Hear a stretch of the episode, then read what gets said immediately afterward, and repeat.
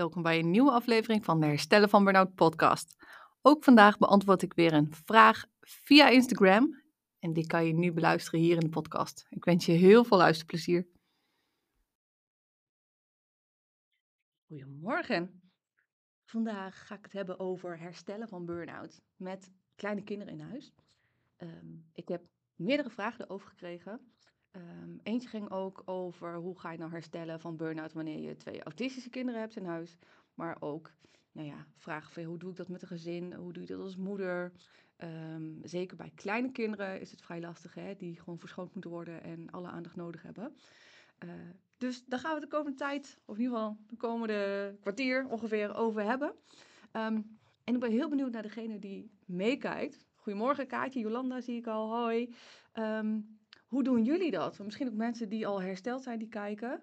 Um, je mag het onder de reel zetten, want straks wordt, wordt hier een reel volgens mij van gemaakt. Um, het is mooi als je tips met elkaar kan delen. Um, hè, wat voor jou werkt, werkt misschien niet voor een ander, maar voor iemand anders misschien wel. Dus als je al gelijk ideeën hebt dat je denkt, oh ja, maar dit werkt voor mij heel goed om mijn rust te pakken, uh, terwijl ik ook uh, kinderen thuis heb, uh, deel het even in de chat mocht je je vragen over hebben, zet hem er ook even in nu. Dan, eh, dan kan ik hem ook uh, voor je beantwoorden. Um, maar oké, de vraag is dus, hoe herstel je van burn-out wanneer je kinderen thuis hebt? Wat je dus wil, is dat je voldoende rust kan pakken. Um, en dat je dingen kan doen die jij leuk vindt. Hè? Dus ook voor jezelf kan zorgen. En wanneer je burn-out bent, dan heb je vaak gewoon weinig energie. Je hebt weinig energie om dingen te gaan doen. En de energie die je hebt, die gaat dan heel snel op aan kinderen. En een van de vragen heb ik even wat verduidelijking gevraagd. Even, nou, waar loop je dan precies tegenaan? En ik heb hier de laptop naast mij. Die dame zei van, ik loop er vooral tegenaan uh, dat je toch steeds wel iets moet doen. Niet dat ik constant de butler van mijn kinderen wil zijn. Maar op de een of andere manier is het wel zo. Ik moet vier keer heen en weer naar school. De baby van zes maanden moet worden verschoond. Gevoed, bed in, bed uit. Je wil rust pakken, maar dan gebeurt er altijd wel weer wat. Um, of je wilt nog iets in het huishouden doen, of het is alweer bijna 12 uur, dus moet je de kinderen ophalen. Dus hoe pak je rust, doe je leuke dingen? Uh, hè, dat is ook herstellen. Uh, de optie van oppasvragen, die ken ik. En die vraag ik ook wel eens. Maar ik zou dagelijks meer willen kunnen rusten. En ik kan me voorstellen dat dat voor jou ook wel herkenbaar is. Um, dat je tijd voor jezelf wil pakken, maar dat andere dingen door, uh, voorgaan. Nou, wat ik vaak zie is dat wanneer je je zo gehaast voelt en gejaagd voelt met burn-out, of dat je helemaal geen puff meer hebt. Wat ons brein doet, is dat het niet meer zo goed kan plannen, het kan niet meer zo goed overzien, dus je kan sowieso de tijd al wat minder goed inschatten. Um, en we maken dingen die niet heel belangrijk zijn, vaak veel belangrijker, zoals het huishouden. En omdat je bang bent dat je het allemaal niet aan kan, of het niet allemaal trekt, gaan we heel snel denken, ik moet eerst dit af hebben en daarna mag ik rusten. Dus je gaat prior, prioriteit geven aan de verkeerde dingen. Dus je gaat eerst prioriteit geven aan het huishouden of aan dingen met de kinderen doen. Um, en daarna ga je pas prioriteit geven aan jezelf. Of eigenlijk blijf je zelf een beetje over. Hè? Uh, dan mag je daarna gaan rusten. En ik herkende dat zelf ook in de periode dat mijn kinderen klein waren. Um, als ze dan sliepen, dan dacht ik: oké, ik keek om me heen. Ik zag dat het huis echt een bende was. Eerst moet het huis schoon, of eerst de huiskamer, of eerst de keuken. En daarna ga ik ook even slapen. En dan zie je net dat de kinderen heel snel wakker zijn en dat, er, dat jij niet meer aan slapen toekomt. Dus ik denk dat het belangrijk is dat jij voor jezelf weet waar jij van herstelt um, en waar jij blij van wordt. Dus wat zijn activiteiten die jij heel leuk vindt en wat zijn activiteiten waar jij van tot rust komt en ga die inplannen in je dag. Net als dat je kinderen gaat ophalen of dat je uh, een, een luier moet verschonen. Uh, je moet net zoveel prioriteit geven aan die momentjes van rust. En wat we ook vaak doen, is dat we het heel groot maken. Dat je denkt, ik wil een half uur rust of ik wil een uur rust. Ik maak de dingen die je wil doen, of de, de activiteiten die je wil doen, maken we veel te groot.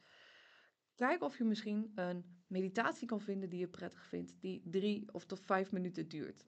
Waarmee je vijf minuten even met je ogen dicht kan liggen. Dat heeft ook al ontzettend veel effect. Je kan beter, vaker gaan rusten. Dus ook al luister je elke keer dezelfde meditatie, als die fijn is, is dat prima ga je elke keer die korte meditatie luisteren. Um, daarmee bereik je ontzettend veel. En dan wordt het alles of niet stukje, uh, vang je daar een beetje mee op. Nou, daarbij is het denk ik ook gewoon heel belangrijk om te kijken hoe jij ontlast kan worden. ze zei net van ja, de, de optie van oppas, die ken ik. Maar als je dus kinderen hebt en jij hebt meer behoefte aan rust en aan herstel, dan heb je hulp nodig. Je zal echt ontlast moeten worden. En dat is niet af en toe een keer een oppas, maar dat is kijken hoe kan je nou ehm, dagelijks in bepaalde dingen worden ontlast. Of misschien op weekbasis dat elke vrijdag de kinderen naar of een BSO mogen of tussenschoolse opvang of dat opa en oma kunnen oppassen. Um, oh ja, Miranda zegt um, een bodyscan bij YouTube, 10 minuten. Ja, dat is echt, dat is zo effectief al. En vaak denken we als je wil gaan rusten dat je een half uur moet slapen of hè, dat het nog langer moet duren. Maar 10 minuten, dat heeft echt heel veel effect. Kijk dus hoe je dagelijks dingen kan gaan inplannen voor jezelf, waardoor jij rust kan pakken en hoe jij ontlast kan gaan worden. Het kan dus ook zijn dat je ehm, ehm, een vast ritme maakt. Hè? Dat hielp mij heel erg. Dat ik tegen de kinderen zei, want mijn kinderen gingen toen al wel naar school. Ehm, dat ik zei, nou, je mag dan op de maandag en op de vrijdag bijvoorbeeld een vriendje mee naar huis nemen. Maar als je net in die burn-out zit, kan ik me ook voorstellen dat je zegt: de komende maand mogen er geen vriendjes bij ons spelen. Dus maak hele duidelijke regels. maak een soort van planning dus dat kinderen dat ook gewoon kunnen zien. Dit zijn de tijden dat mama rust. Je kan regels maken. Bijvoorbeeld als mama kopje thee nog vol heeft of papa. Dan ehm, ga ik niet opstaan. Dus dan moet je de dingen die je wil doen jezelf doen. Uh, dat zijn voor de kinderen die iets groter zijn. Ehm, je kan ook samen oefeningen doen. Je kan samen een bepaald uh, bodyscan doen. Of je kan samen... er zijn hele leuke meditaties voor kinderen die je, waarbij je dus allebei een rustmomentje hebt. Je kan spelletjes bedenken die voor jou rustig zijn. Wat ik wel eens deed, dat ging ik op de bank liggen. En dan gewoon echt zo lekker met mijn ogen dicht op mijn buik. En dan mochten de kinderen iets op mijn rug leggen. Of op mijn billen leggen, zeg maar. En het spelletje heet What's on your butt? Dus wat ligt er op je billen? En dan uh, mochten zij er iets opleggen. En dan moest ik gaan raden wat het was met mijn ogen dicht. Nou ja, dat is voor de kinderen ontzettend leuk om te doen. En ik kan gewoon lekker rustig uh, uh, blijven liggen. Dus qua creativiteit is dat misschien nog een, een ideetje. Maar ja, vaak is het ook een beetje mindset. Hè? Je wil dat er van alles gebeurt. Je hebt daar niet de energie voor. Ehm, dus er moet wat bij jou worden weggehaald. Dus wellicht kunnen, kunnen mensen in je omgeving, familie, uh, partners, uh, school, opvang, kan je daar nog iets in bereiken dat je meer tijd voor jezelf nodig hebt. Je zal merken als je dat in het begin dus kan doen, en je kan dan ook echt gaan herstellen, uh, dat je daar later gewoon profijt van hebt. En dat je niet maandenlang aan het doorsukkelen bent. En de reden waarom we dat vaak in het begin niet willen, is toch een stukje schuldgevoel. Of het gevoel, ik moet het toch zelf kunnen. Ik heb daar, uh, hè, kan het niet maken om. Um, maar ik heb echt meerdere klanten die, um, waarbij kinderen echt uh, wekenlang bij opa's en oma's gewoond hebben. Um, en in de weekenden thuis, omdat het gewoon niet meer te doen was. en die mensen die zijn zo mega lang over hun grenzen gegaan ja, dat het echt noodzakelijk was. En je zal zien, als je het niet meer kan, als je echt niet meer kan, dan is er in één keer van alles mogelijk. Dus op het moment dat jij nu al voelt, ik heb meer rust nodig en het lukt eigenlijk niet met mijn gezin, ga dan kijken wat wel mogelijk is. Dus stel je dan voor, stel, stel dat ik echt niet meer kan, wat zal ik dan doen? En ga dat alvast inzetten. Want dan heb je even tijd om bij te denken. En ook al doe je dat maar twee of drie weken, dan merk je al dat je weer, hè, dat het stresssysteem wat meer tot rust komt. En probeer vanuit daar een uh, ritme en een regelmaat te gaan vinden. Wat prettig is voor jouw kinderen, maar wat zeker ook prettig is voor jou. Dus kom erachter wat voor jou werkt, waar jij door ontspant, waar jij uh, uh, je beter door voelt wat jij in je dag nodig hebt. En kijk daarin ook echt naar slaapjes, naar rustmomenten, pauzes. Uh, hoe laat ga je naar bed? Hoe laat sta je op? Um, kijk of je met je partner een en ander kan verdelen. Um, ik merkte dat ik vroeger gewoon niet voor half acht uit bed kwam. Dus mijn man die deed uh, uh, de, het ontbijt, zeg maar, met, met de kinderen. en die was altijd een beetje zo gereinigd en moppig op mij. Omdat ik gewoon niet uit bed kon komen. Achteraf weet ik dus, ja, die overspanning. En nou ja, dat was, hè, dat was bij ons destijds niet zo duidelijk. Um, maar spreek dat uit naar je partner. Zeg van ja, ik, ik red dat gewoon niet zo goed in de ochtend. Wil jij in, het, in de ochtend het ontbijt doen of de lunch maken voor de kinderen, dat allemaal klaarzetten? Dan heb jij even alleen tijd. En dan kan je partner de, de ochtend misschien doen. En dan kan jij daarna het stuk oppakken. Dus kijk of je het kan uitspreken wat er moeilijk voor je is en waar je behoefte aan hebt. Um, ga dat regelen en maak een soort van fijne routine die voor jullie allebei werkt. En ga dan ook kijken van, nou ja, hoe wil je dan in jouw dag jouw momentjes gaan pakken? En hoe ziet dat er dan uit? Hoe voelt dat? Waar wil je naar streven? En maak die heel klein. Um, Dus voor degene die nu meekijkt, ik ben heel benieuwd hoe jullie dat nu doen. Degene die ja, overspannen is, burn-out is eh, en een gezin heeft. Hoe zorg jij er op dit moment voor dat jij je rust kan gaan pakken? Wat helpt er voor jou? Wat helpt er in, in, eh, in jullie gezin? En de vraag die kwam ook over, ehm, hè, hoe doe je dat dan met eh, kinderen die autistisch zijn? Hè? Dus stel je bent zelf autistisch, ADHD, burn-out. Maar je hebt dus ook kinderen die ADHD hebben uh, of autistisch zijn. Wat daarin uh, kan verschillen met kinderen die neurotypisch zijn, is dat autistische kinderen nog meer begeleiding nodig hebben. Die kunnen niet zoveel met lege tijd, zeg maar. Um, dus het gevaar is dat ze of alleen maar tv kijken of alleen maar achter de computer gaan zitten. Wat ik daarin heb gemerkt is dat uh, die routine heel belangrijk is. Dus we hebben van die bordjes en daar kunnen ze in afvinken wat ze hebben gedaan. Dus daarin kan je bijvoorbeeld al gaan plannen van, nou ja, het komende uur mag je dit doen. En als je dat hebt gedaan, dan kan je dat afvinken. Um, want wat jij wil in een uh, gezin waarin meerdere mensen autistisch zijn, is dat kinderen niet afhankelijk zijn van jou als persoon. En dat is sowieso met kinderen natuurlijk. Hè? Je wil, als ze klein zijn, um, zijn ze echt nog persoonsafhankelijk van jou als uh, volwassenen. Um, en op een gegeven moment wordt de structuur afhankelijk. Dus een kind gaat leren, oké, op deze tijden moet ik dit gaan doen. En dan beginnen ze ook met die taken. Dat is met autisten niet altijd. Die zijn dan afhankelijk van een moeder die zegt, je moet nu dit doen. Oké, je hebt het klaar, oké, dan mag je nu dit gaan doen. En dat automatiseren ze niet in hun hoofd. Dus dat blijft elke keer doorgaan. Dus je wil kinderen gaan leren om structuurafhankelijk te worden.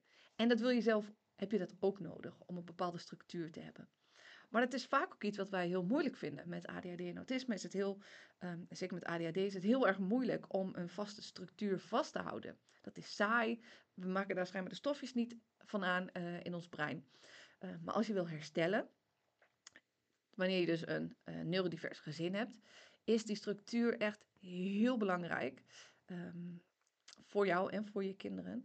En is dat denk ik de enige manier waarop je wat vrije tijd voor jezelf kan gaan plannen. Naast natuurlijk oppas, opa's en oma's vragen, partnervragen, um, opvang, school, dat soort uh, momenten creëren. Zorg ervoor dat je um, bepaalde momenten creëert waarin kinderen gewoon weten wat ze kunnen gaan doen en dat ze daar even mee bezig gaan. En dat jij dan voor jezelf gaat zorgen. En dat is uiteindelijk ook wat je sowieso wil in die burn-out. Je wil leren voor jezelf te zorgen. En dat voorbeeld geven aan je kinderen. Want dat is denk ik het mooiste cadeau wat je kan geven aan een kind is dat het oké is om voor jezelf te zorgen. Dat je vanuit liefde voor jezelf mag zorgen en niet altijd alleen maar hoeft te zorgen voor de ander en bij de ander moet gaan kijken of die wel oké is. Ik zag net even, uh, volgens mij Miranda reageren.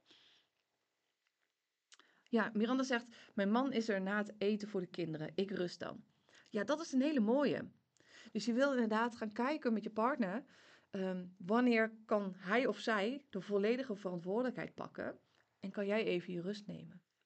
En het is dan, hè, wat ik merkte, is dat ik als vrouw vaak de manager van het gezin was. Dus dat ik heb alles in mijn hoofd wat wanneer moet gebeuren. En als dat dan niet duidelijk is, dan kwam mijn man alsnog vragen: Ja, maar Evelien, wat staat dat dan? Of wat moet er dan nu gebeuren? Of hoe doe je dat altijd met ze?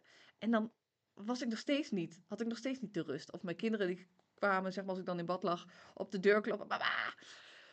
Kijk, als het andersom was, als mijn man die rust nodig had, dan zou ik ervoor zorgen dat die kinderen niet naar hem toe gaan. Weet je wel, dan zou ik dat bij hem weghalen, die druk, in, omdat ik weet hoe fijn dat is.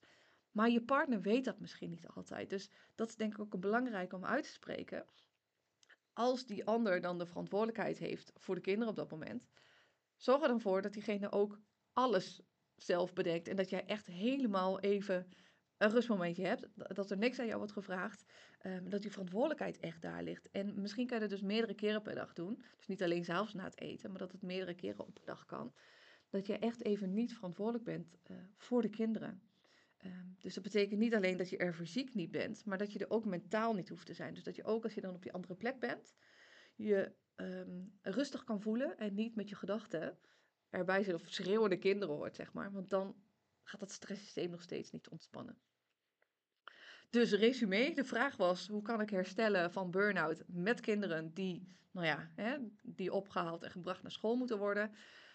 Kijk waar je ontlast kan worden. Dus zet zeker opa's en oma's in. Um, zet uh, uh, je partner in. Kijk of kinderen kunnen overblijven op school of uh, naar de opvang kunnen. Um, hè, als je merkt dat dat je echt in de weg staat om te herstellen, kijk hoe je dat tijdelijk kan doen. Het voelt soms als, oh, dat kan niet en dat is voor altijd. Maar probeer dat dus klein te maken en zeg van, nou, het is voor een maand. Of misschien twee maanden of misschien twee weken. Ehm, dat helpt het vaak al iets minder ehm, beladen te maken voor jezelf. En ga kijken waar jij van ontspant en ga er prioriteit aan geven. Dus kijk hoe je dat kan inplannen in je dag. Als de kinderen gaan slapen, ga jij dat doen. Ga jij of zelf slapen of je gaat rusten. En daarna komen de huishoudelijke taken. En kijk of je daar dan misschien kinderen bij kan betrekken. Dat je dat samen kan doen. Of dat je het laat liggen. Ehm, want dat kan ook, hè. Ik vind het bijvoorbeeld prettig als de kinderen beneden zijn met mijn man. En dat ik boven lekker het huishouden ga doen. Vind ik heel fijn. Daar, raak, dat vind ik ontspannen. Uh, met een podcast of een muziekje erbij. Dus misschien dat je daarin kan vinden ehm, wat er moet gebeuren. Dat je dat kan doen. Maar dan op het moment dat het voor jou fijn voelt en voor jou uitkomt en niet zo stressvol voelt. En dat je dus de tijden dat je naar school heen en weer moet, dat je dat kan verminderen. Dus dat je vraagt of je kinderen met iemand mee kunnen. Uh, en dat die ze bij jou thuis afzet. Uh, en tijdelijk is dat prima, hè? Dat is, het is geen ramp. Soms is het niet anders. Wij hebben um, uh, een gezin bij ons op school, die moeder die gaat steeds minder goed zien. Um, wij hebben heel vaak in de winter dat wij haar kinderen mee naar school nemen. En dan ga ik dus naar haar huis, haal ik de kinderen op en die neem ik mee naar school, die zet ik daar af en die breng ik daarna ook weer. Um, en dat is niet dat we dat nu jaren doen en zij vindt daar ook wel andere oplossingen in. Maar ik vind het echt geen probleem om te doen. Uh, dus daarmee wil ik laten zien dat anderen jou ook graag willen helpen. Dus durf om hulp te vragen en weet dat dit tijdelijk is. Want dit gaat ook weer voorbij en je gaat je weer beter voelen en je gaat dat ook zelf wel weer kunnen. Um, maar probeer niet heel streng te blijven en heel um, ja, jezelf te bewijzen bijna, alsof je het allemaal nog wel kan. Uh, maar ook niet in die slachtofferrol te schieten van ik moet het allemaal en niemand helpt mij.